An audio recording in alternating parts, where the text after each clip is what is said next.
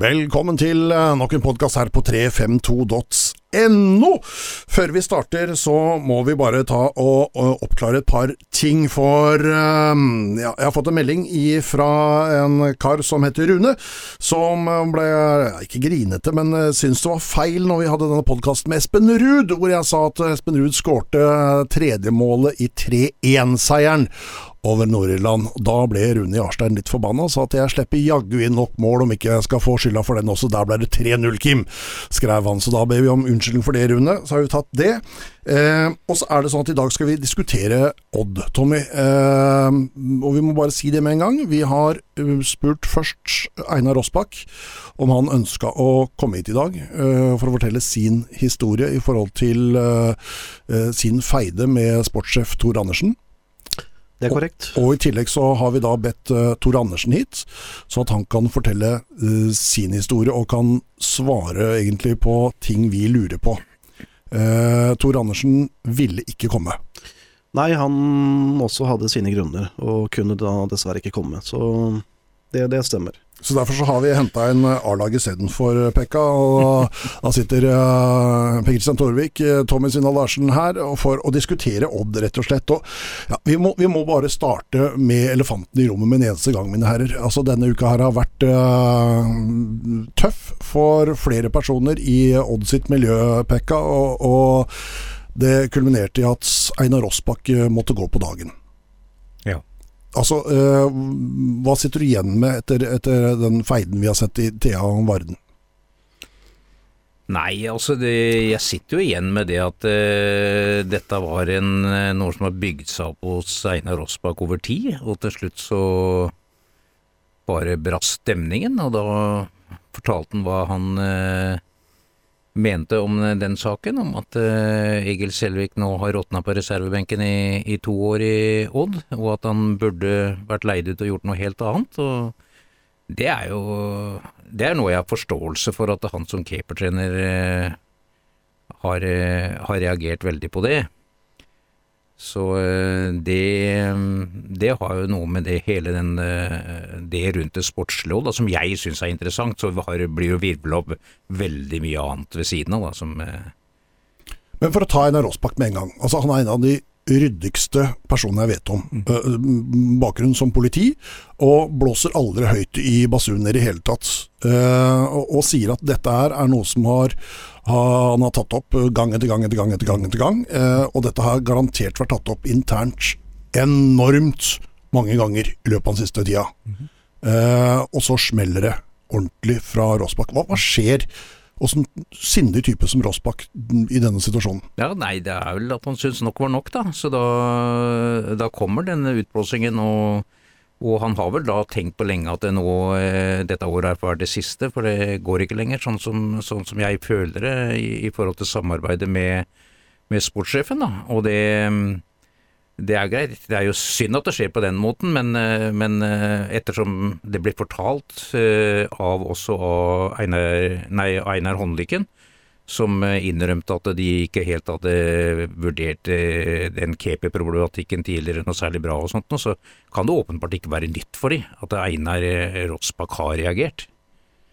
Men det kan, noe, det kan, ikke være noe tvil, Tommy, om at Rossbakk skjønte at nå må jeg gå på dagen når han kom med dette utspillet? Han hadde nok rydda kontoret før dette utspillet. Ja, han har nok visst litt hvordan dette skal, skal foregå, eller kommer til å foregå. Uh, helt klart. Jeg syns bare det er utrolig trist, uh, fordi du er jo inne på det. Einar uh, Rossbakk, vært den personen han har vært i oldsystemet som person, først og fremst. Jeg jo, jeg har, jo, fått lov til å være sammen med Einar også på turer og, og sparra på ham med keeper når jeg var sjøl juniortrener osv. Profesjonell til 1000, kjempefin fyr. og har gjort den jobben han har gjort i forhold til keeperdelen. Eh, og, og, fått fram mange gode keepere. Um, I likhet med noen andre også som har vært dyktige på dette. Altså Den keeperdelen i Telemark, uh, å få fram gode keepere, den har jo vært enormt bra. Der har vi mange gode eksempler. Tore Caspersen og Einar Aasbakk har gjort særdeles Ja, så har du Terje Adamsen som nå kommer inn, som, som har drevet på, på toppidrett. Og kan du si i dette samarbeidet her, så har jo det vært en ja, det har vært fantastiske personer. Eh, på ja, litt sånn ulike personer, som jeg kjenner dem. Men flotte personer alle sammen. Men har en vanvittig eh, kunnskap. Eh, Og levert varene! og levert varene. Så jeg, jeg syns det er enormt synd at typer da som bidrar så mye, og er liksom en eh, Er, den, er en av få brikker i, eh, i Odd som, som, som må forlate ja, båten på, på den måten. Eh, ja, jeg skjønner det når, den, når det blir blåst ut, så, så er det uunngåelig.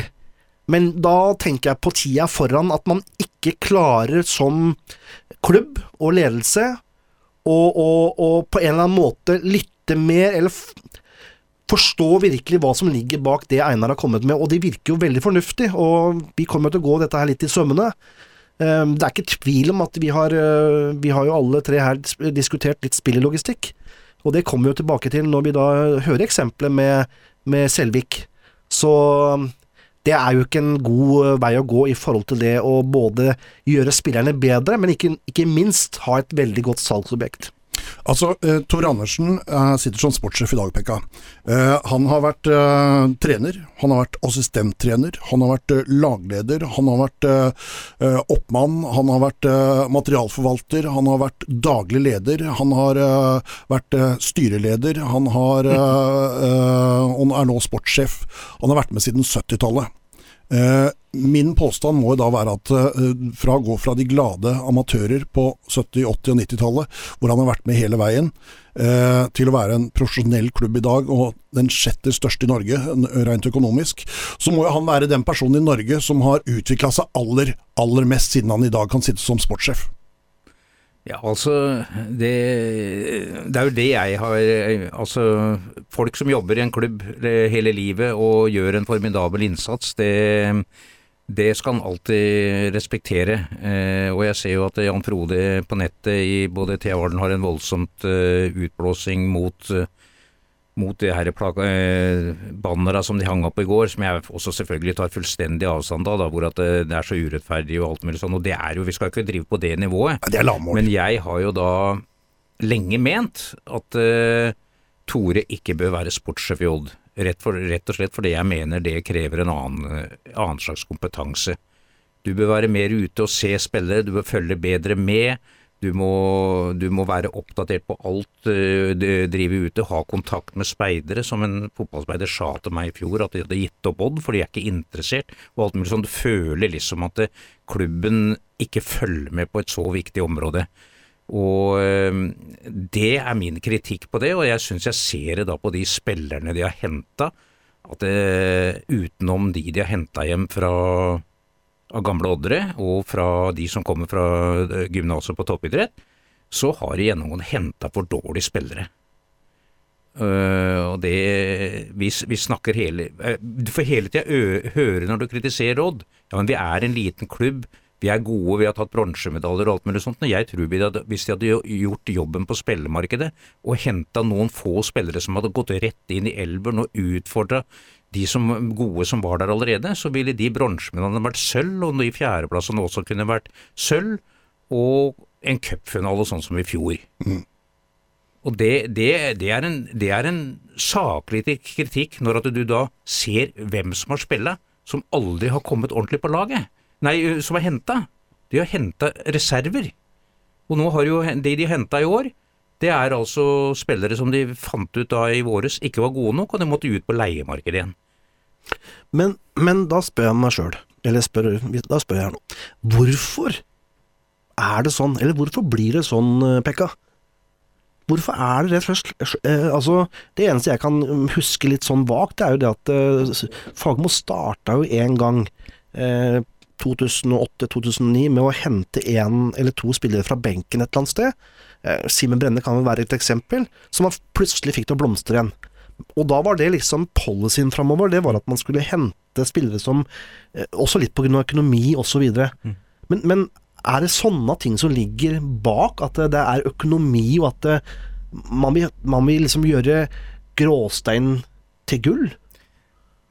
Ja, å gjøre Gråsæter gull tror jeg nok gjelder det med, med, med tidligere Odd-spillere som har vært ute, som de henter hjem igjen, som de vet har prestert i Odd. Det tror jeg nok. Men eh, jeg syns jo Simen Brenne var eh, et veldig dårlig eksempel. Fordi han, Det var det. Ja, han traff jeg jo. jobba i Romerikes Blad den gangen, og, og Simen var klasse. Så øh, Jo, men det er en av de få jeg mener. At det var jo egentlig det beste eksempelet. Hadde jo debutert på landslaget også som ja, ja, ja. Lillesund-spiller. Så, så, øh, Men blei man for opptatt da av å Fordi at nå henta man en spiller på benken, og da blei liksom Ja, men dette kan vi gjøre masse mer av. Nei, det tror jeg ikke. Jeg, jeg tror rett og slett årsaken er at de ikke følger med. De har ikke fulgt med. Det tror jeg er, er den viktigste grunnen. Eh, Jo, men, men ville Dag Eilif Fagmo ha en sportssjef som fulgte med?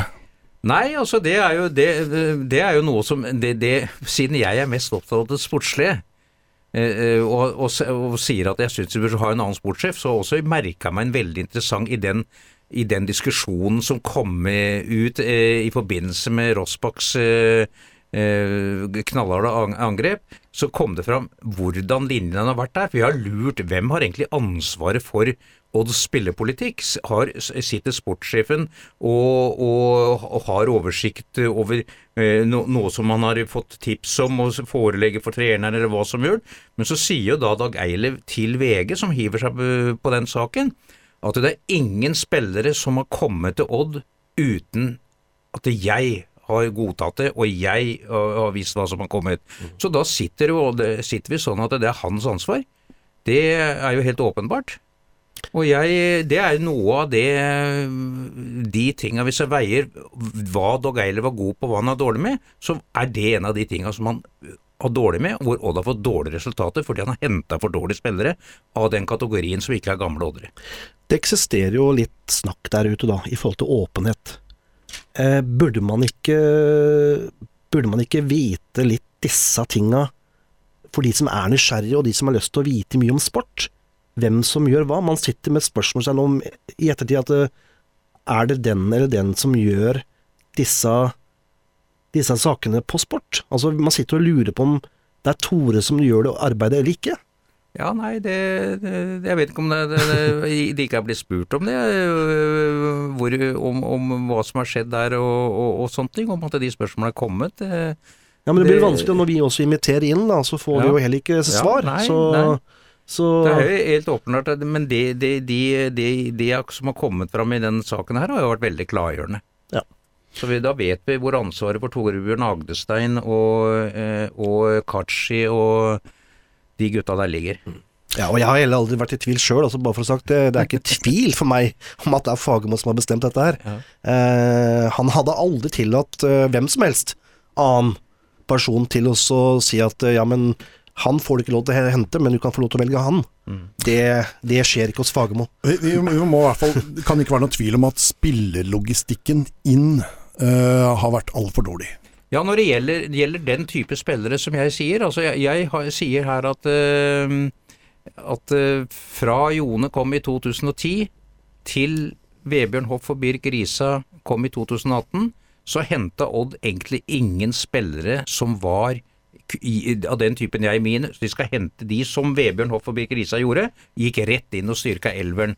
André Hansen gjorde for øvrig fra tips på meg da han var, eh, var, eh, da han var eh, Bosman-spiller og det gikk ikke lenger i Lillestrøm.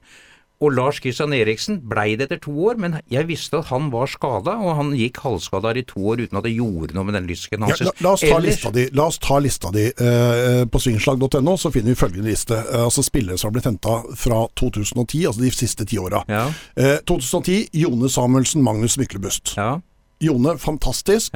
Magnus Myklebust Nei, det var eh, ving ut og inn av laget. Ja. Eh, 2011 André Hansen og Pål Addo.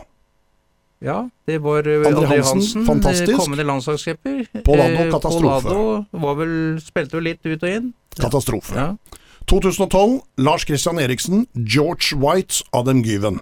ja. Det var, Given var et grei ving, men det var jo ikke noe mer enn det. Og Lars Kristian Eriksen var jo potensielt et skikkelig god spiller, og blei det de to siste åra. Det var jo rart at de ikke forlenga med han videre. Men de to første, så han, han var 50 vellykka på grunn av at han han spilte en del de to første åra, men det, han fikk ikke trent ordentlig, så han fikk ikke ut det som han kunne. George White, katastrofe. Mhm. Håpløst. 2013, nok en spiller fra Lillestrøm, Christer Kleiven. Katastrofe. Han var vel ikke i Lillestrøm, var ikke han i Stabæk og starta? Jo, men jeg tror han, han kom Han- fra start til Lillestrøm, tror jeg. Ja, han kom fra Lillestrøm. Lillestrøm. Ja. Kom fra, Li- fra Men det er egentlig det samme. Han- Det er Christer Kleiven. men eh, katastrofe. Det har jeg glemt. Ja, katastrofe. 2014, Jarko Horme, Ardian Gashi, Ole Jørgen Halvorsen og Henrik Kjelsrud Johansen. Ole Jørgen var jo en brukbar spiller, men han hadde ikke tillit. Nei. Og var tidvis, eh, tidvis god for Odd. Ja. Eh, Jarko Horme, Uh, katastrofe. Uh, Ardian Gashi, fantastisk fyr, uh, som fikk noen få sjanser, men de var få. Han, han var over the top når han kom til Odd. Ja.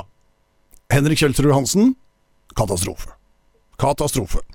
2015, Oliver Berg, Pappa Teddy Joff og Ulrik Flo. Oliver Berg henta inn, uh, spilte jo en del, men, men fullførte vel kontrakten og gikk videre til Sverige. Ja. Han spilte en del, men han heller hadde ikke veldig stor tillit. Jeg, jeg hadde jo egentlig litt tru på han, da, men det Men ok. Ja. Blei ble ikke noe. Pape leverte så der. Ulrik Flo eh, ble vel egentlig bare henta for å. Spille spille for andre lag. Skulle ja. redde laget i, i andredivisjon. Mm. Uh, 2016, Joakim Våge Nilsen, Zakaria Mesodi, Riku Risku og Sigurd Hause Haugen. Uh, Våge Nilsen spilte jo en del. Ja. Fikk noen kamper, Våge Nilsen. Mm. Mesodi, katastrofe. Riku Risku, katastrofe. Sigurd Hause Haugen hadde en fantastisk kamp mot Lillestrøm, som han uh, fikk seg en uh, sk scoring eller to, og ellers så så vi nesten ikke i det hele tatt. Uh, driver og leverer litt på Ålesund nå, Ja, han var først i Sogndal, så til Ålesund. ja, Mm. men leverer litt i Ålesund nå. Mm. 2017, Martin Broberg, Torbjørn Agdestein, Papa Teddy Joff Impen igjen, og Etsa Hussein på lån fra Molde. Uh, Broberg, du likte Broberg, Jeg syns jo han var god, da, men det, det hjalp jo ikke det hva jeg syns. Nei, det hjelper ikke hva han. Torbjørn Agdestein, nok en hyggelig fyr, men uh, katastrofe. Mm. Uh, Pappa Teddy har vi prata om før. Etsos Hussein, det må være bra lån. Det var et bra lån. Ja. Ja. Det er vi enige om.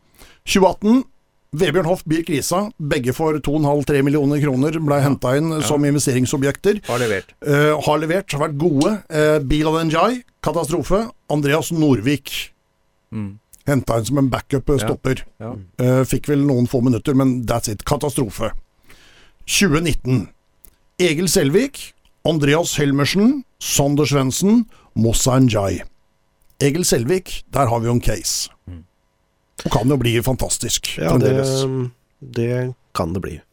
Men som vi har snakket om mange ganger før, fotball er veldig tilfeldig, og den eh, ja, den reisa han har nå, det er i hvert fall ikke noe god reise i forhold til det å fortsette å utvikle seg som fotballspiller, og ta de stega som han, han skal ta, altså rent personlig. Han får jo ikke spille på det høyeste nivået, og jeg vet hvor god han er, og det vet mange andre. Eh, mange sier også at han er kanskje bedre enn en enn Rossbakk, men det handler om tillit. Eh, så får man jo se, da. And Andrea, Andreas Helmersen henta inn som spiss, og skulle frelse Odd. eh, blir skada med en gang, eh, og siden så har ikke Børven sett seg tilbake. eh, og takk og lov for det. Sander Svendsen, et eh, greit lån. Og Moussa Njay, eh, hvor mye fikk han? En halvannen kamp, eller noe sånt? Ja, han ble jo skada. Ja. Men, men altså, jeg, jeg, jeg, kaller, jeg vil jo ikke spisse det sånn at alle er katastrofe, men den, det som jeg mener Odd burde se etter å hente, det er de spillerne som går rett inn på laget, som tar garderoben. Sånn som de to siste gjorde. I, i, det var jo Fra du så Vebjørn Hoff i første kamp, så var det aldri tvil om at han skulle spille på laget. Nei. Mens alle de andre som vi nevner på, som, som, som gikk inn som ikke var, var leid, inn, da, de gjorde det. Men så, eh, de, de gjorde aldri det. Men så hadde du de som da måtte leies inn i korte perioder. Og han, sånn som vi sier, han Hussein var god. Men når du ender opp med å leie en spiller, så er det ganske dyrt. Og så har du ingen rettigheter når du er ferdig. Så du, du må komme dit at du, du henter gode spillere på kontrakt. Sander Svendsen hadde heller ikke noe imot. Men når Hammarby plasserer han ålreit, nå får vi se hva som skjer, men kanskje vi får solgt når han er ferdig. Mellom 14 kamper, solgt for 2,5 millioner til Odense. Som Odense nå har sikkert solgt den videre, ikke med tap til Brann igjen da. Det eneste som sitter igjen med ikke nå, det er Odd. Ja. Etter å ha spilt 14 kamper. Og det, mener, det må de komme bort fra. Men, men De må hente gode spillere som spiller i elveren fra første, fra første stund, og som de kan hente penger av når de blir solgt. Men da er vi, en, da er vi jo liksom med en kjerne, da. For jeg er liksom litt ute etter den podkasten her nå til å liksom eh, kanskje dette ned på noe som er konkret. Og da mener jeg, Pekka, at eh, det vi snakker om her nå, på den sportslige delen, spesielt på spillogistikk, det er kompetanse. Hvem som nå står i den stillingen, om det er Tore eller om det er andre, så handler det om at eh, dette her har ikke vært bra på lenge, i x antall år, og sånn kan det ikke fortsette. Nei, Ergo det. så må det være typer, personer, som, som, som må være der, eller komme inn, som har dette her, som kan dette her. Ja. Det er vi enige om. Ja, det er Og da er det eneste som jeg kan liksom pirke litt på, som kan forstyrre akkurat på at det bare går på kompetanse, det er økonomi. Men når Odd da har eh, er blant de seks beste i Norge på økonomi, så ser jeg heller ikke noen grunn til at ikke man kan være god nok til å betale det man måtte betale.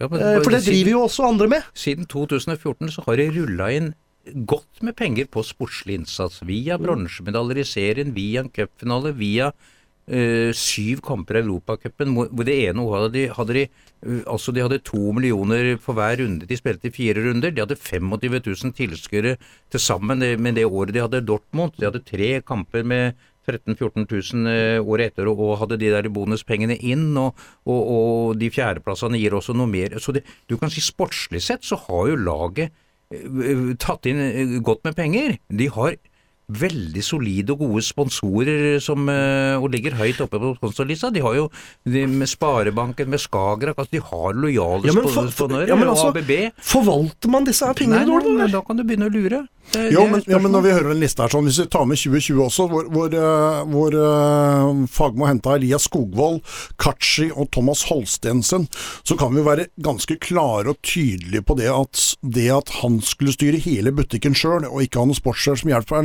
ja, det var feil. Ja, altså det, men, men, men, det, altså det ser jo nå at du kan si sånn i, i forbindelse med det vinduet som har vært nå Det har ikke vært sånn trafikk i, ut og inn av svingdøra på Odd eh, noen gang som det har vært nå det siste, med Lunding, med Simovic, med han dansken, klubbløse dansken, eh, han eh, Rasmus Minor Petersen. Ja, Nevnte du også Lunding? han eh, andre fra Sverige. Og John Kitolano inn for der, og det, det har skjedd noe hele tida sånn sett. Og du, du kan si sånn Men noe av det er jo på grunn av Og det er jo litt synd å si det, da. At jeg, jeg har jo tru på de unge guttene. Med, med han Kevin Johnsen, med Bjørn Mæland og med, med han eh, Eirik Asante Asante, ja. Altså, jeg har jo tru på det vi er gode spillere, men de er åpenbart ikke vurdert gode nok å spille i år, selv om det er i A-salen. Jeg må, jeg må stille et eh, Jeg mener at det er et veldig betimelig og viktig spørsmål. Um, og det er Er det sånn at um, At Odd som klubb og de personene som er i Odd nå og har vært der en stund, uh, er egentlig fornøyd med sånn som det er? Altså at, at man ikke har nok ambisjoner? Tror du virkelig at uh, Tror du virkelig at liksom sånn som man driver nå, det er greit, på en måte? For man er, blir jo nummer seks og fire og tre og driver fornuftig greit. Ja, det, det, det er mulig, Er det men, men det er jo ikke sånn? bare de. Jeg hører fra masse folk. Jeg, Hvis- når, når jeg er kritisk til sånne ting, så er det mange Du trenger ikke å sitte i styret i Odd eller, eller, eller sånn for å høre de sier at det, nå må vi ikke være så kritiske. Vi er en liten klubb. Mm. Vi, vi, vi har ikke penger. Vi har ikke ditt og datt. Vi er, vi er, altså, Odd er en klubb bak Rosenborg, Molde, Brann, Vålerenga og Viking. Ja.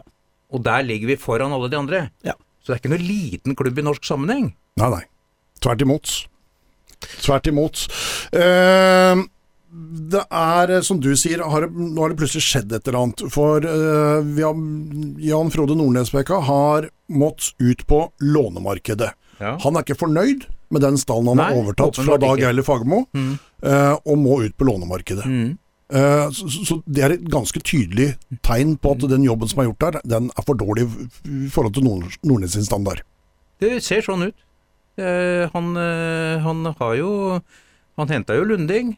Og det, jeg syns det var riktig å selge Lunding når han fikk et lengre kontrakttilbud fra Nederland. Henta med en gang inn en ny spiller som de sier er kompetent, og når vi ser da, han vært på de, skal være i matchform og alt mulig sånt nå, så, så og fikk henta Bakenga, som jeg da må innrømme, jeg var jo skeptisk til, men han har jo levert, og det er jo bra. Eh, jeg er jo litt mer skeptisk til at han har blitt wing og han andre svensken eh, kommet seg opp som spiss, men det, det får du se. Det, det skjer, har skjedd til på spillemarkedet sånn. Men det som er at alle er innleid. Alle er innleid. Ja. Uh, ja, bortsett fra Simovic som er på korttidskontrakt. Uh, Ja, og det er, ja, også, det er også Petersen. Ja, okay, er, kl- eller klubbløse, sånn ja. Ja, de kom klubbløse og har, uh, er har bare kontrakt ut sesongen.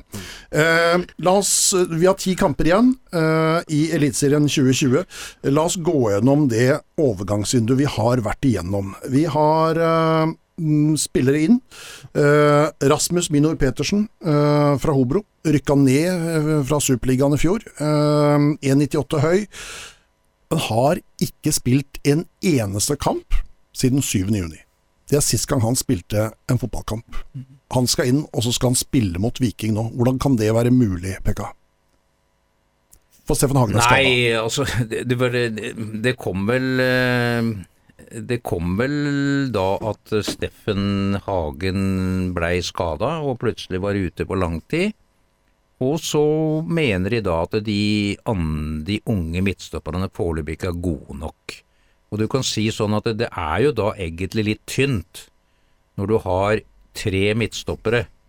Steffen Hagen, Odin Bjørtuft og Fredrik Sem Berge. Det er vel strengt tatt bare to. er, når den ene er langtidsskadd, og da har du to midtstoppere, og det kan ikke da ha vært noen overraskelse at de syns de unge gutta fortsatt ikke er gode nok for Eliteserien, og da havner du der, og det er jo ikke bra det heller. Nei, men hvorfor venter man da til, Nei. til eh, lyset brenner med å gjøre spørsmål. noe i den situasjonen? Godt spørsmål. Det er jo fantastisk at vi har spilt med to så gode midtstoppere i 20 kamper, og de har levert i hver kamp uten å ha fått uh, karantene eller vært skada. For, for, for det, det, Hvis de ikke syns at, at eh, Bjørn Mæland og, og Erika Sante eh, ikke er gode nok, så var det vel piska daus, men er ikke det mens overgangsvinduet var åpent heller? Nei, selvfølgelig ikke. Men eh, altså, enhver en, en hver klubb, da, en- enhver manager eller en sportssjef eh, sitter med dette ansvaret på spillogistikk normalt sett. Normalt sett. Eh, så sant det ikke er en så sterk trener som Fagermo som sier bare at sånn er det, selv om man skulle ha en sportssjef der. Det er jo sånne ting man skal påse å ha. Ikke komme som man har sett på mange øh, altså Hvor vi har hatt mange eksempler på at øh, man, øh, man kom for seint på banen med å annet da få, få spillere på kontrakt som er viktige. Det samme gjelder jo også at man skal ha dekning. Eh, når man har en tropp, så må man, så må man eh, Spiller man med to midtstoppere, så må man gjerne ha én, i hvert fall én, ordentlig god spiller som jager bak der, og som kan fint gå inn hvis det skjer noe. Og så kan man gjerne ha denne unge som nummer fire og fem. Men når det ikke da er det, så eh, er jeg helt enig med det som vi var inne på nå. Det er lovlig seint. Og det er jo her Odd viser seg litt gang på gang at man man, ikke, man, har, man er ikke i forkant, da. Man har ikke kontroll. Og det også går jo på kompetanse. Så det er grunn til å stille seg flere spørsmål med kompetansen. Eh, og jeg skiter nå litt i, for å si det rett ut, jeg skiter i om hva vedkommende heter. Eh, så, så, men det er på tide at Odd tar tak i dette problemet. Eh, Skal man videre? Når overgangsvinduet åpna den 10. juni, så får altså Tore Andersen en telefon fra Tom Nordli som sier at eh, dere trenger en midtstopper til. Eh, så sier Tom Larviksgutten Fredrik Tobias Bergli han kan dere nå hente gratis fra Skeid. Han skal skrive en ny kontrakt med Skeid, men der har du framtida. Hent han. Han er 23 år gammel, kompromissløs, god med ball, ordentlig god duellspiller. Hent han. Passer perfekt inn hos dere. Sier Tor Andersen at nei, det tror jeg ikke er noe for oss. Tror du at Tor Andersen visste hvem Larviksgutten Fredrik Tobias Bergli var, Pekka?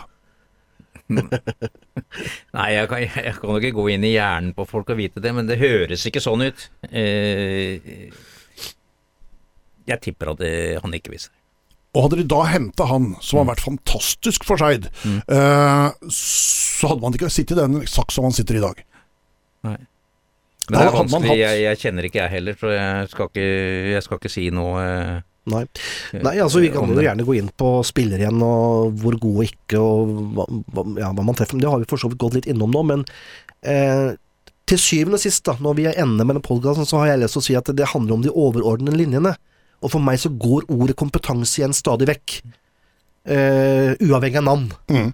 Så, så vi får bare diskutere litt videre, men eh, Rasmus Minor Petersen inn fra Hobro. Eh, spilte sist kamp 7. juni. Jeg veit at eh, når man har vært, eh, ikke spilt en fotballkamp på fire måneder, så holder man ikke 90 minutter i Eliteserien, så det blir spennende å se mot Viking. John Kitulano kommer inn. Eh, lån fra Wolverhampton overtar det lånet i, fra Molde, som skal erstatte Birk Risa, som eh, blir solgt ut til Molde. Eh, hvordan ser du på det byttet, Pekka? Nei, altså jeg, jeg er ikke negativ til det. For jeg uh, irriterte meg da øh, Kitolano ble solgt altfor billig til, til Wolverhampton, og jeg har tro på han. Og så er det sånn at øh, eh, Birk Risa tilhører jo da de spillerne som jeg honorerer, som de henter utenfra, går rett inn på laget. Han er kaptein på U21, han har en kontrakt som utgår neste år. Han er kaptein på U21, og det lever han på nå. Han er en mer interessant spiller enn de fleste unge som spiller i Norge, i, lys av sin posisjon. Han har ett år igjen, han har sagt klart fra at han har lyst til å komme seg videre. Og selvfølgelig vil han gjerne ut, og jeg syns også det er synd at det ikke sto en, eh, en utenlandsklubb i Bundesliga 2 eller i Nederland og ville ha han, men det gjorde ikke det. Så for meg så er ikke det var ikke det feil å selge han til Molde nå da, istedenfor å sitte igjen i, i mai og ikke få noen ting for han. Og når du da kunne få igjen John Kitolano, og håpe, hvis det blir gjort en jobb, at det kanskje vi kan få med han videre. Det er sånn det, i, I mine øyne er ikke det negativt. Det er mange som er uenige med meg, men jeg syns ikke det var en dårlig handel. Jeg syns det er blitt topp. opp. Helt, helt ærlig, vi har sittet her, Tommy, så mange sendinger på Radio Grenland og hatt fotballsendinger, hvor vi har sagt at Birk Riise har altfor lite sluttprodukt. Han har altfor lite assister, han har altfor lite skåringer, han har altfor lite eh, presise pasninger når han kommer til siste tredelen. Ja, og nå gjenstår det å se, da, og det er jeg jo helt enig i. Eh, Jeg, jeg syns at Birk Riise er en god spiller, men han, eh, han mangler definitivt eh, noe mer som gjør til han til en sånn X-faktor-back. Og det er blant annet han, man, eh, eh, Hvis du skal inn på det internasjonale nivået, da, så må du kunne mye mer i én mot én, både off og def. Uh, og der har han litt å gå på. Så det skal bli artig å se hvordan han tar det nå. Ja. Så man ser jo det. Ja. Uh, John Kitolana den gangen til Wol- Wolverhampton faller igjennom. Ja. Så er det tilbake igjen. Men, den historien har vi hørt. John Kitolano i Molde har vært suksess. Det har vært Med assister og skåringer Ja. for Molde. Ja, men Men han, det har- han er, har eh, likevel ikke vært en foretrukket spiller i Molde, for han har stort sett spilt når Øyvind Haugen har vært skada. Og det er Øyvind Haugen som har blitt foretrekket i Champions League-kvalifisering og, og, og, og alt mulig sånt nå. Så, så jeg Jeg mener sånn at det, agenten til John Kitolano skulle aldri solgt den til Wolverhampton. Fordi at der løp han rundt og trente med juniorlaget og var mye skada. Så kommer han til Molde hvor han spilte 10 av 20 kamper og forskjellig sånt nå. Han har ikke fått den utviklinga han ville ha. Jeg tror han ville blitt bedre av å være i Odd. Og jeg håper at han nå fortsetter der, og at han kan utvikle seg sammen med broren sin. Mm. De konkurrerer litt om hvem som skal være best av de. Vinn-vinn-situasjon. Jeg er sånn sett. Men, men da er vi tilbake til det med Birk Risa. Det er nå han har en verdi å bli solgt i, i form av penger.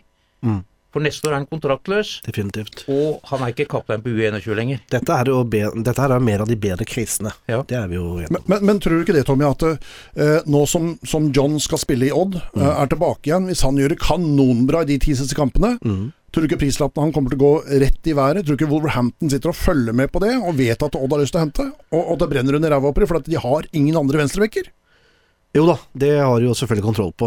Ja, Jeg vet ikke, jeg vet ikke om Wolverhampton er altså De er eid av et kinesisk konsortium, om de sitter og For å være helt ærlig, jeg jeg tror, vet, Jeg eh, vet ærlig talt ikke. Nei, jeg tror at eh, dette er et lost case for, for Det kan hende at Wolverhampton vil se en videre, at den skal spille i Brentford, men eh, jeg vet ikke. Nei, jeg har, noe, jeg har heller ikke noe tro Nei, på det. jeg, har Altså. ikke, jeg har ikke noe oversikt over det.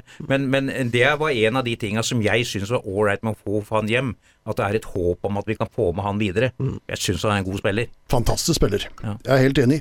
Så har man hentet inn Vladimir Rodic. Eh, kommer fra, på utlån fra Hammarby resten av sesongen. En eh, serber som har spilt fem landskamper for Montenegro. Eh, en mann som eh, ikke leverer noe særlig framover på banen, han heller. I 2020 så har Vladimir Rodic spilt 17 kamper. Han har null mål, han har én assist. I Hammarby totalt så har han 50 kamper og ni skåringer. Ja, eh, han er ikke den notoriske.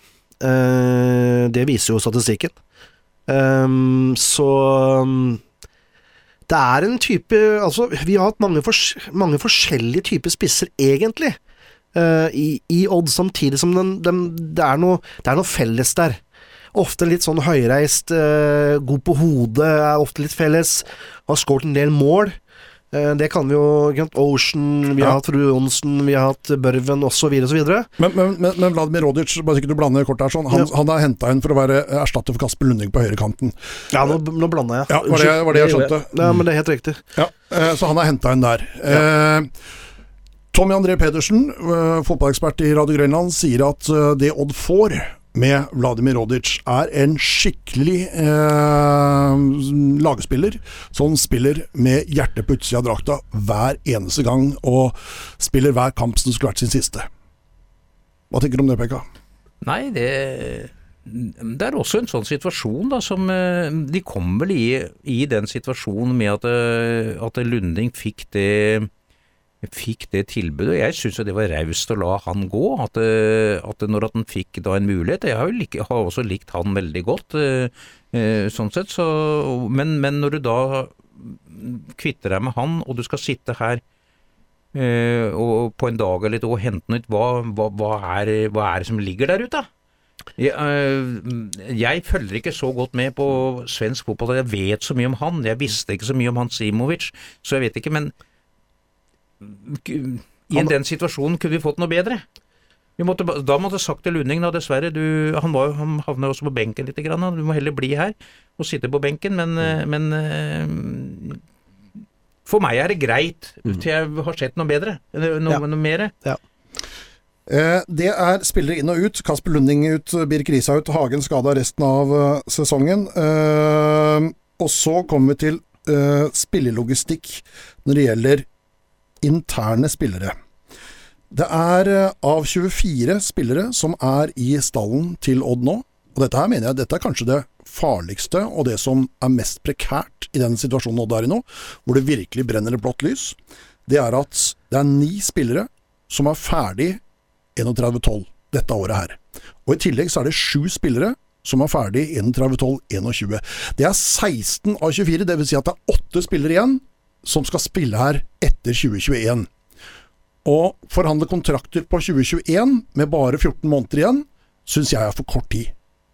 Og det vi snakker om, altså allerede første i første, som kommer nå om tre måneder, to og en halv måned, så er ni spillere borte. Kan være.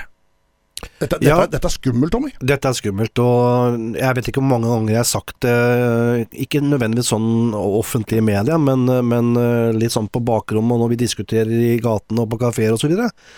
Men jeg klarer, jeg klarer bare ikke forstå at en klubb, en toppklubb i Norge, eh, som sier man er en toppklubb og presterer på det nivået, ikke har en tydeligere og bedre eh, spillelogistikk, strategi og, og plan på ting. For det er for seint å komme halvannet år eh, før. Ja, og nå er det 14 måneder. Ja, og det er sånn at da, da, da, da er spilleren også der Ja, men vi tar det her etter sesongen, fordi vi konsentrerer seg, og så er man plutselig da på siste året, og man er i gang på nyåret. Eh, For det er jo litt ferie mellom her. Og så står man der og har da seks måneder til Bossmann. Og jeg skal love deg det at det er én ting også spillerne ser på sånn titt og ofte, så er det når de har muligheten til å reise gratis. Og da, da, er, da, da åpnes det noen flere muligheter. Det er, eh, er viden kjent. En sportssjef, eller en klubb, da, syns jeg, mener jeg, det er min påstand, det er at man må se på spillogistikken to år før tida, og man må handle gjerne deretter rundt to år, eller på vei til å si at det er halvannet år, det er liksom siste, siste stopp.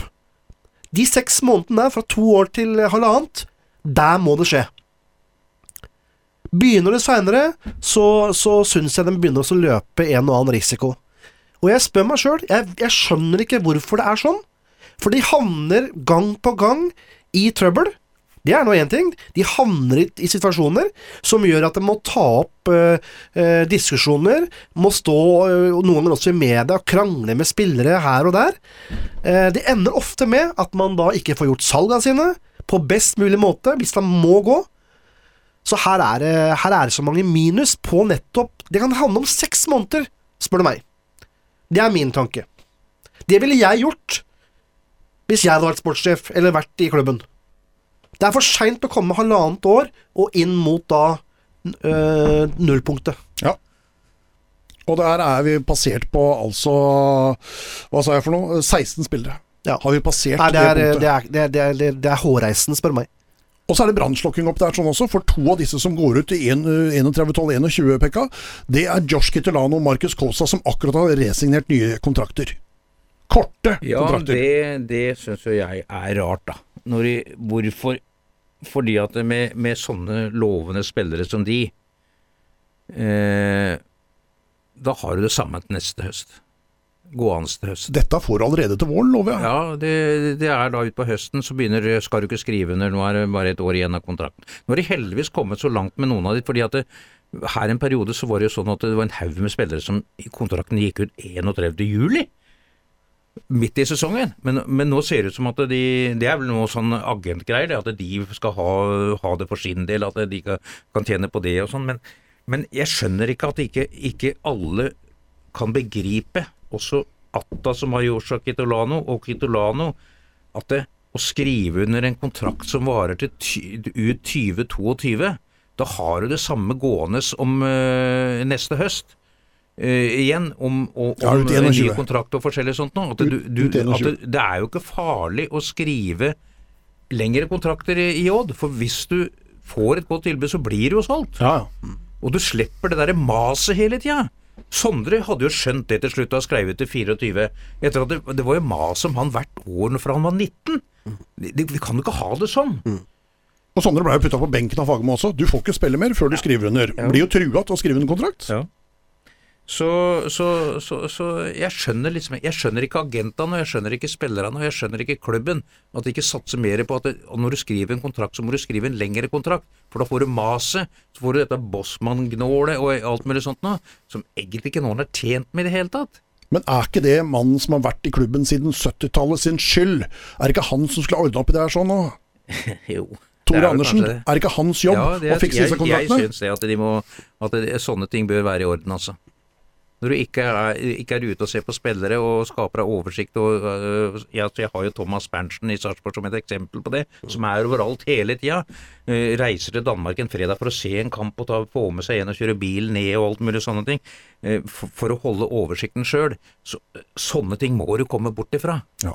Hvor mange reisedøgn tror du Skri- Andersen har i år? Nei, det- Eller siste ti åra? Jeg skal ikke si noe jeg ikke, ikke har noen mening om. Det, det, det vet jeg ikke. Men, men, Jeg- men sånne ting skjønner jeg ikke noe av.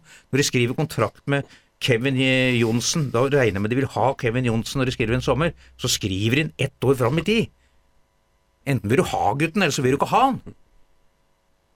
Så, så eh, Ja, og vi, og vi, vi, steng, vi trenger jo strengt tatt ikke sitte her og, og, og snakke så mye om navn heller, for det, det er som jeg sier, det strander på kompetanse. Det er jo det vi snakker om. Det er at disse tingene her har ikke blitt gjort noe med på år, og man har fortsatt en feil måte å drive på, i mine øyne. Dette må gjøres noe med. Det må gjøres noe med. Tommy, Også... Tommy, Tommy, I verste fall, Tommy, eh, etter 2021 så, så er det 16 spillere som må erstattes for de går på Bossmann. Da sitter du med åtte spillere i stallen. Hvordan skal du løse det? Jo, men det er jo helt opplagt. Det er at eh, hvis man ikke har den kompetansen i den og den personen, så må man hente inn en som har det. Det er måten å løse det på. Hvis ikke vedkommende har lyst til å lære litt og utvikle seg på den måten, og, og gjøre den eh, eh, Altså din, eh, den, den, instruksen da, som, som ligger blant annet f.eks. Un, inn under en sportssjef. Der er jo spillogistikk det aller, aller mest vesentligste som regel. Ingen tvil. Inn og ut. Hvem er i stallen, osv. Salg, kjøp. Så, så um, her er Odd altfor dårlig i klassen. Det er så enkelt som det. Det er, noe, det er, ikke noe, mer å snakke om det. Skal Odd videre, så må dette gjøres noe med. Hvordan de løser det, ja, det får bare tida vise. Men jeg tror det er mange nå som også, inkludert meg sjøl, vi, vi savner på en måte å høre mer om ambisjonene. Litt mer om at man gjør de grepa som eh, kanskje nær sagt flere også hyler etter. At eh, vi må se noe som gjør at eh, det hentes inn det som Pekka sier. En ordentlig klassespiller, ikke fire-fem som man prøver å hente fra benken, og som har ikke spilt for to år, og som kommer halvskada. Det, det, det, har vært Odd i årevis. Altfor mange av de casene her har det vært. Og det er synonymt med også at Odd, for meg, er en sånn klubb som er litt sånn midt imellom alt sammen.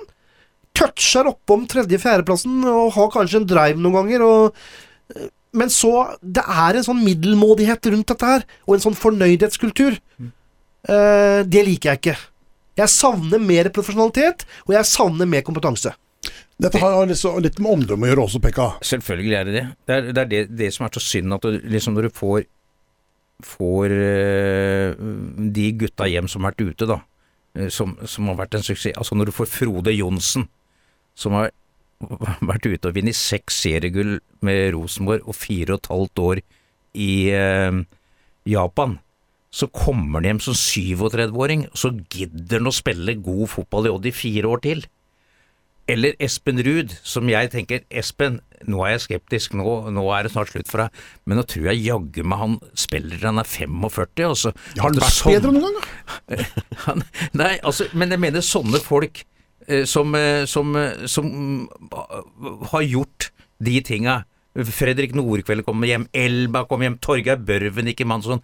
De gadd å være gode så lenge, det er nøkkelen. Hvis de bare hadde hatt vett til å hente de ekstra toppspillerne ved siden av, så hadde de vært der oppe. Ja. Og så Når du da havner i alle de diskusjonene vi snakker om omdømme, så er det klart det at det, Jeg syns det Altså, jeg syns det er fantastisk at vi har et eliteserielag som er blant landets beste i Skien. Byen trenger det. Det er det, det er det, folk forbinder med Skien, og det er det og Henrik Ibsen. Som liksom at vi har et fotballag av en sånn kvalitet som det blir snakka om. Men det er veldig mye negativitet rundt det. Altså, du kan ikke det kan ikke diskuteres en liten økonomisk sak i Skien kommune uten at du ser kommentarfeltet fylt med en fest for Odd. Det kan de holde. Til og med når ordføreren selger to, ei tomt, så kommer de inn på de der på privaten. Det, det, blir så mye negativt rundt det som baller seg opp fordi det er alle de andre tinga. Altså når du havner i en aviskrangel om fordi Philip Delaveres ikke vil skrive ny kontrakt, når Einar Rossbakk må ta det der eh, stuntet som han gjorde da, når vi hadde det med John Kitolano, når at de hadde alle til Altså, John Kitolano spilte på laget til, eh, til Haaland og var i EM og skulle til VM da han ble skada for, for, for 19- og 20-årslandslaget og forskjellig sånt noe. Så blei bare borte, og de måtte nærmest gi inn bort til Wolverhampton og alt mulig sånt noe. Folk begynner å lure og tenke og, og i, i, i, agenter og og på TV og i Oslo-aviser, riksaviser og sånt, og tenker at hva driver de med, liksom? Nå, nå bråker de med, nå er det krangel igjen. For ikke nå! Komme bort fra det! Men la oss snu litt på det, da. Um, nå har vi vært litt kritiske her, uh, men jeg mener sjøl at vi også har diskutert uh, ganske opplagte ting, og ting som også kan virkelig vises på papiret. Det er uh, statistikker og annet som, som viser til at dette Ja, man har, man har utfordringer, man har ikke helt gjort jobben sin. Men hva er Odd gode på, da? Ja, men de er jo De er jo, hva, hva de er, er jo, de er jo på plassering og på poengantall. nummer tre i Norge de, de siste åra. Det er jo bare Molde og Rosenborg som er bedre enn det.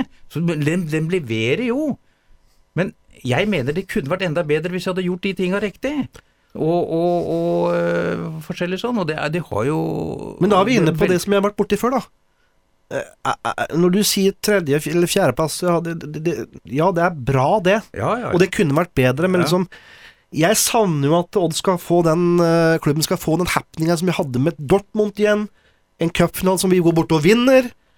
Kanskje vi kunne vært det laget i år ja. som kunne vært seriemester og ikke Som leda serien med 20 poeng? Nei, ja, det var kanskje litt å ta i, men altså Nei, men Odd, Odd har jo mye bra. Altså, Odd står jo for altså, det, er jo, det er jo helt innlysende. Odd står for kontinuitet. Og Odd står også for å eh, eh, For å bruke mye av lokale personer. Eh, og har en tanke om hvordan man skal da f.eks. Knut Rønningen, som kommer opp gjennom junior- og elitelaget, eh, kan løftes videre. Så man har jo noen tanker her, og det er mye som er bra. Eh, Telemarksmodellen, eh, den som en gang startet kanskje litt sånn eh, i det fri og litt tilfeldig, den har jo begynt Jeg elsker å- Telemarksmodellen. Ikke sant? Den har vært, eh, vært, vært bra, det er jo et pluss. Ja. Det er spesielt pluss på, eh, hvis jeg skal være litt kritisk der, det er spesielt pluss på å være produktive til å få spillene opp til et eliteserienivå. Ja, ja. Men jeg anser fortsatt at vi har masse å gå på til også å utvikle til å være de beste. Ja. Så når, når Odd selger en John Kittelane til Wolverhampton, og man selger eh, Tobias Børkeie fra Stabæk og ut, så er det to forskjellige spillere som forsvinner ut. Begge spennende. Mange, eh, altså mye X-faktor. Men det er liksom den andre personen som blir igjen, og den andre kommer tilbake. Det er litt forskjellen på Stabæk og Odd. Så her har vi også mye mer å gå på. Men, eh, men Odd har jo, er, har vist at de, er, de driver nøkternt bra på de fleste områdene. Men jeg føler sjøl at hvis jeg skal dra en sånn slutning, så, så handler, det til slutt om meg at eh, jeg føler ikke en vinnerkultur. Jeg føler mer en sånn fornøydhetskultur, og det bærer også mange av disse, eh, disse valgene og beslutningene preg av. Jeg er jo ikke helt enig med det du sier om Stabæk. Jeg sitter mye på benken, de gutta der også, når de kommer ut. Jo da, noen gjør det, men uh... Jo, jo, men, men Sarpsborg og Stabæk og Bodø-Glimt de selger for eh, Ja. 30-40-50 Ja, ja, de millioner kroner. fantastisk. Det gjør ikke Odd. Det gjør ikke Odd, nei. Og, og hva er grunnen til det? Det er, noe, det er også noe som bekymrer eh, formann Trond Haukvik. Jeg intervjua han, og det var sånn. han syntes det var bekymringsfullt at de ikke fikk nok igjen for de spillerne de utvikla sjøl når de solgte de. Ja, hva er årsaken til at Odd ikke klarer det? Ja, det ligger på Nei, den det- ene tingen som jeg sier. Det er, det er definitivt. De, Det er nok kompetansen, ja. Ja. Det må være Det må stilles mye større krav. Det må være um, en mye tydeligere policy på hvordan man virkelig skal skape toppspillere, og de beste. Um, jeg syns det er fantastisk å se, uh, som jeg har vært borte sjøl, Markus Kaasa. Uh, Odin. Men når jeg var, eh, når jeg var junior elitetrener, så hadde jeg en ramme jeg skulle følge, og så var det en ramme utafor som jeg aldri fikk lov til å bruke, som jeg mener var kjempeviktig for at spillere skulle lære å forstå det internasjonale nivået. Øh, men, men det på en måte ble litt drept av Fagermo. Mm. Eh, for det skulle være 4-3, og det skulle være litt sånn rigid. Mens jeg var litt mer den frie, og det er fotballen der ute. Du må kunne ta egne valg. Og jeg husker så godt, for en av dem som uh, bærte preg av det, det var El Barashani.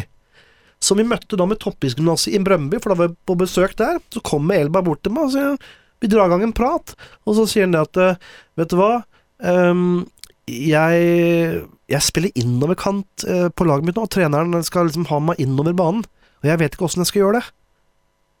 Og da Jeg skjønte med en gang litt hvor han ville.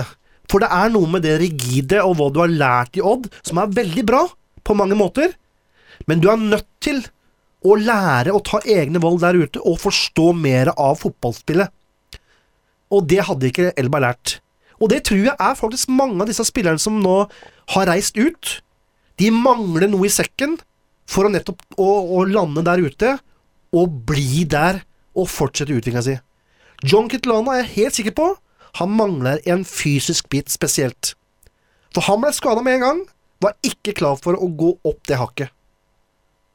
Så det er så mange faktorer som jeg kan peke på, som gjør at eh, her, er det, her er det mye å jobbe med, og mye å ta tak i. Og sånn kan vi sitte til Kidolano så skjønner ikke jeg at agenten kom med dette her. Jeg skjønner ikke hva jeg, han skulle i en Premier League-klubb å gjøre. På det tidspunkt. Nei, det um, må vi nesten spørre John om uh, hvis vi får han i studio en eller annen gang. Eh, jeg har prata med mennesker som står uh, Odd ganske nær, eh, som er i systemet på en eller annen slags måte. Og de sier det at i juni, når vi prata sammen om det, at uh, ja, Tor Andersen han er på utgående kontrakt.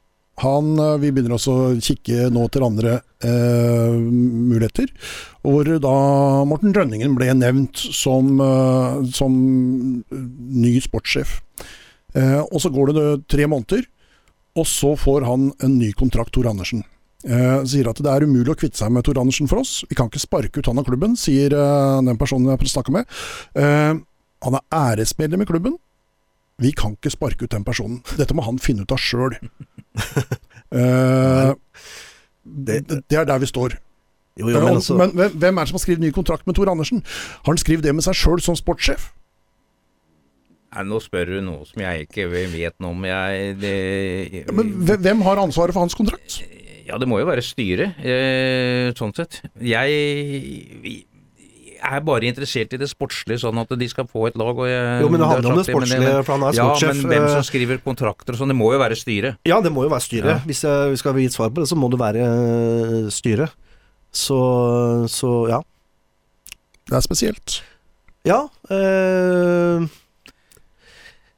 jeg synes, ja, det var, det var jo en litt sånn rar måte å Altså, han vedkommende som har sagt dette her, da. eh, eh, Morten Rønningen kjenner jeg jo veldig godt. Uh, det er en veldig, veldig god kompis av meg, som jeg har kjent siden jeg var bitte, bitte liten. Så jeg vet jo hva han er god for, og Morten har jo vært en Han har egentlig vært en potet. Han har, uh, han har jo opparbeida seg fra eh, fra, ja, fra bitte liten av og til å bli en veldig kompetent eh, kar på mange områder. Så han skal klubben være kjempeglad for å, å ha hatt. Men samtidig så skulle jeg nok ønske at man kunne reindyrka han mer.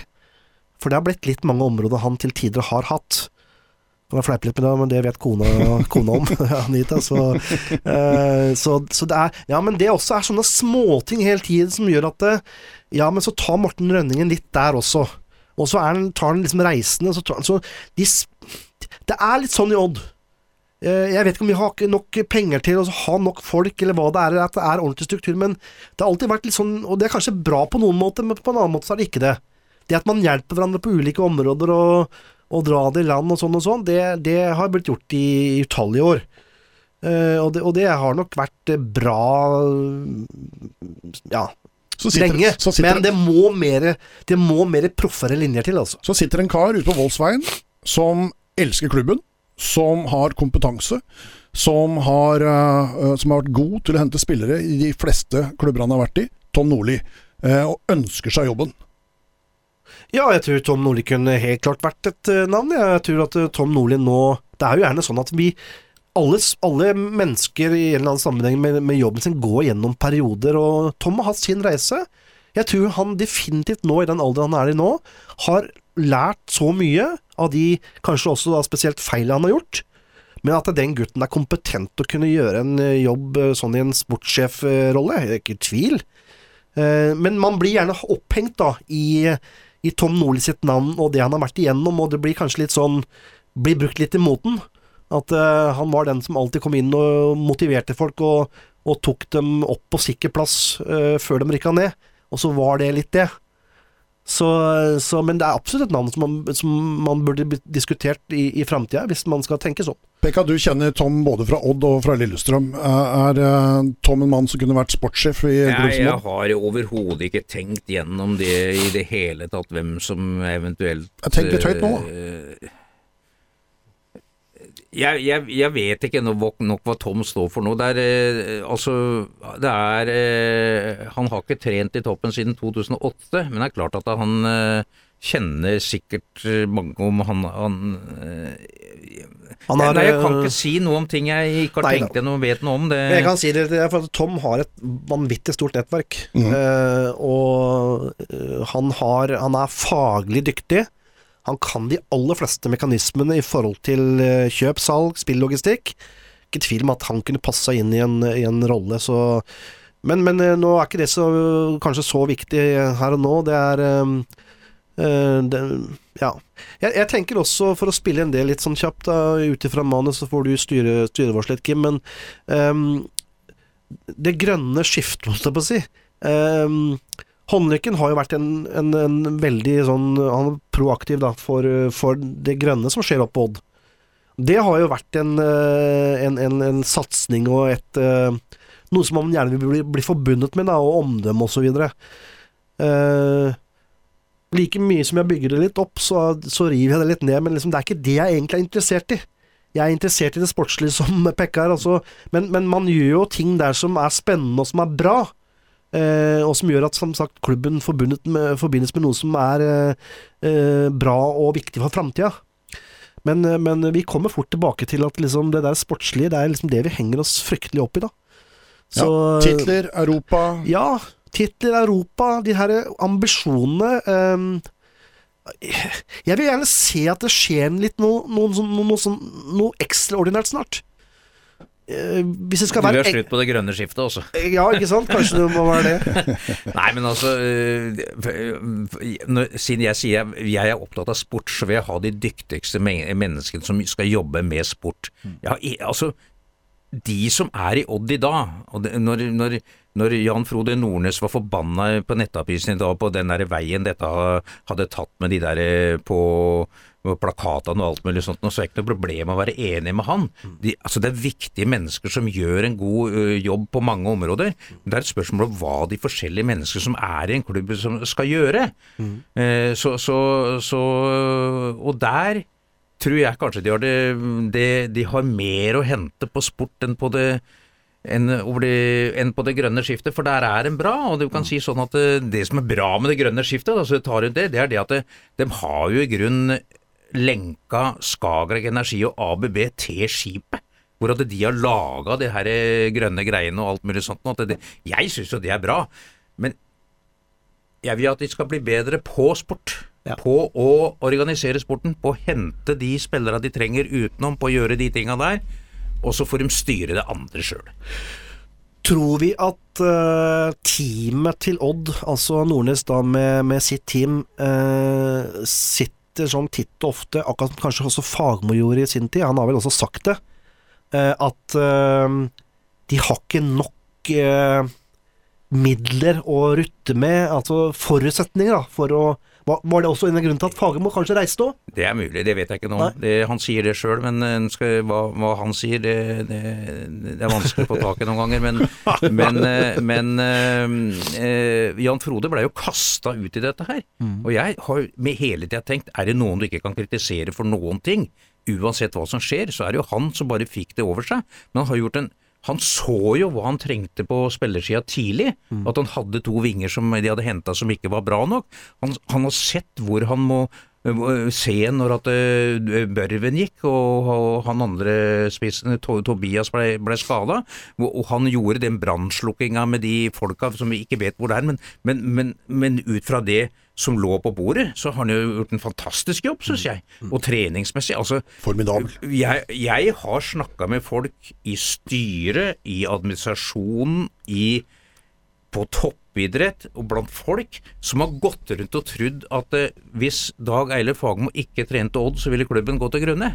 Og det viser seg at det stemte jo ikke.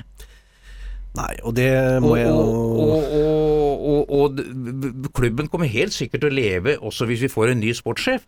Det er, det er liksom sånn det blir så person Altså Kjerkegården er full av uerstattelige folk. Så, så, så den, den, vil leve sånn og det beste. Og jeg er en, ekstremt imponert over hva Jan Frode har gjort ja. ut fra de korta han fikk utdelt. Ja. Vi visste jo at Børven kom til å gå. Mm. Og vi kunne jo ikke vite, det som er en liten kjepphest som jeg har, om sjøl om Espen Ruud er en evighetsspiller, om Steffen Hagen, Fredrik Nordkvelde Har de nådd toppen og, og, gått nedover nå? Eller kan de greie et år til? Vil Odin Bjørtuft, som jeg syntes var en ålreit spiller i fjor, men jeg var jo ikke sikker på hvor god han kunne bli til. Mm. Josje har jeg hatt tru på, men har han det der ekstra greiene når du er så ung som han, så skal du prøve å bli god. Mm. Markus Kaasa visste ikke helt, og så har de slått til alle tre, og blitt støttespillere i laget. Du Mm. Er kan si du kan jo ikke annet enn rose treneren og apparatet hans for det, da. Her må vi, Helt enig. Ja, her må vi virkelig rose Odd, og, og ikke minst da Nordnes med teamet. Fordi det jeg ser eh, som den st eh, største faktoren, det er jo eh, altså, Hva kan Nordnes når han kommer i en sånn situasjon gjøre? Pandemien rammer. Han tar, over, eh, han tar da over en klubb, et lag, som ikke har penger ut med plutselig. Det skjer jo ting med økonomien som man må gjøre at man er forsiktig. Og så kan du si, nevne flere ting. Men det han gjorde, det som var så steika bra, som han visste han kunne gjøre noe med, det var spesielt den siste tredjedelen. Ja. For det, hadde, det, det, det kan man Det er kompetanse. Ja, ja, det er hans hode. Ja. Og han gjorde noe med spillerne. Han slapp dem løs. Spill litt mer friere. Eh, vær litt eh, kreative. Eh, litt, nå skal vi gjøre litt annerledes enn det vi har gjort før, under Fagermo. Og så slår det til.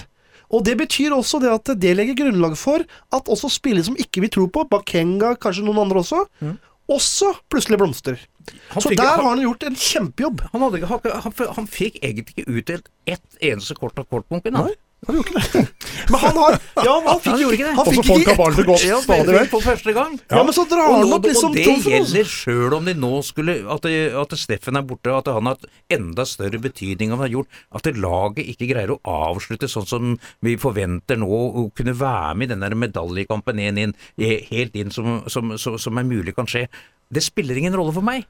De Men har han, gjort det eh, så jævlig bra I, i så lenge at det er noe å bygge på videre. Men men han, eh, han, I mine øyne så dro han opp et femte S der, altså. Det er ikke tvil. Ja, enig det. Er, eh, det der var innertier. Det at han kunne Der kunne han gjøre noe, det gjorde han noe med. Ja. Og det har løfta Odd eh, rent sportslig, i hvert fall fram til nå. Ja. Og så kan du si sånn at det, å selge da spillere som Birger Risa, det gjør ikke noe. Å spille, og jeg hadde kanskje håpa at det, Vebjørn Hoff også etter denne sesongen der, for han har så store ambisjoner, han har gjort jobben her i klubben, også kunne gå. For du har jo han der guttungen fra Kragerø. Mm. Ja, det er framtida. Filip Jørgensen, Ja. Jørgensen. Fantastisk spiller. helt enig. Som jeg da ikke hadde hørt om før. Nei da. Det hadde ikke jeg heller. Og så, altså, plutselig så var han på banen de skulle spille mot et russisk lag, Spartak Moskva eller et eller annet sånt på La Manga nå i vinter. Så var han i lagoppstillingen. Og så ble han tatt tre ganger av russere på midtbanen. To ganger holdt han på å skåre, den tredje gangen redda øh, Rossbakk med regular. En gang skåra de forresten, og en gang til rett utenfor. Og da tenkte jeg ja ja, der fikk du realitetssjekken din. Nå har du kommet til seniorfotballen, og så har du tatt det! Ja, han har det. Det er Ja. spennende. Og magisk i starten av sesongen. Eh, mine herrer, eh, vi er kommet til veis ende. Én time i gode venners lag, det går styggfort, og det er jaggu meg gjort. Eh, så må jeg bare si det at eh, igjen, det hadde vært fryktelig ålreit å hatt eh, Tor Andersen her i dag, som kunne ha svart på spørsmålene våre, og, eh, så vi slapp å synse om alt mulig. Ja, og det kan jeg tillegge, Kim, sånn helt på slutten. Det er at både Tore Andersen og eh, Einar eh, Rossbakk eh, de kommer til å stille opp eh, på et litt senere tidspunkt, har de lovet. Og, Ja. Da gleder vi oss til det. så det gleder vi oss til. Da gleder vi oss til det. Ok, mine herrer. Eh, tusen takk for i eh, dag. Hva som skjer videre med Odd, og hvem som eh, er sportssjef eh, kommende tid, eh, eller kontorist, som du kaller det, Pekka, eh, i din spalte svingslaget.no. Eh, det vet Den vi ikke. må alle lese. Den må alle lese. Den må alle lese. Ja, jeg er helt Det enig. Svingslag.no. Gå inn der. Eh, og vi er tilbake om ca. en uke.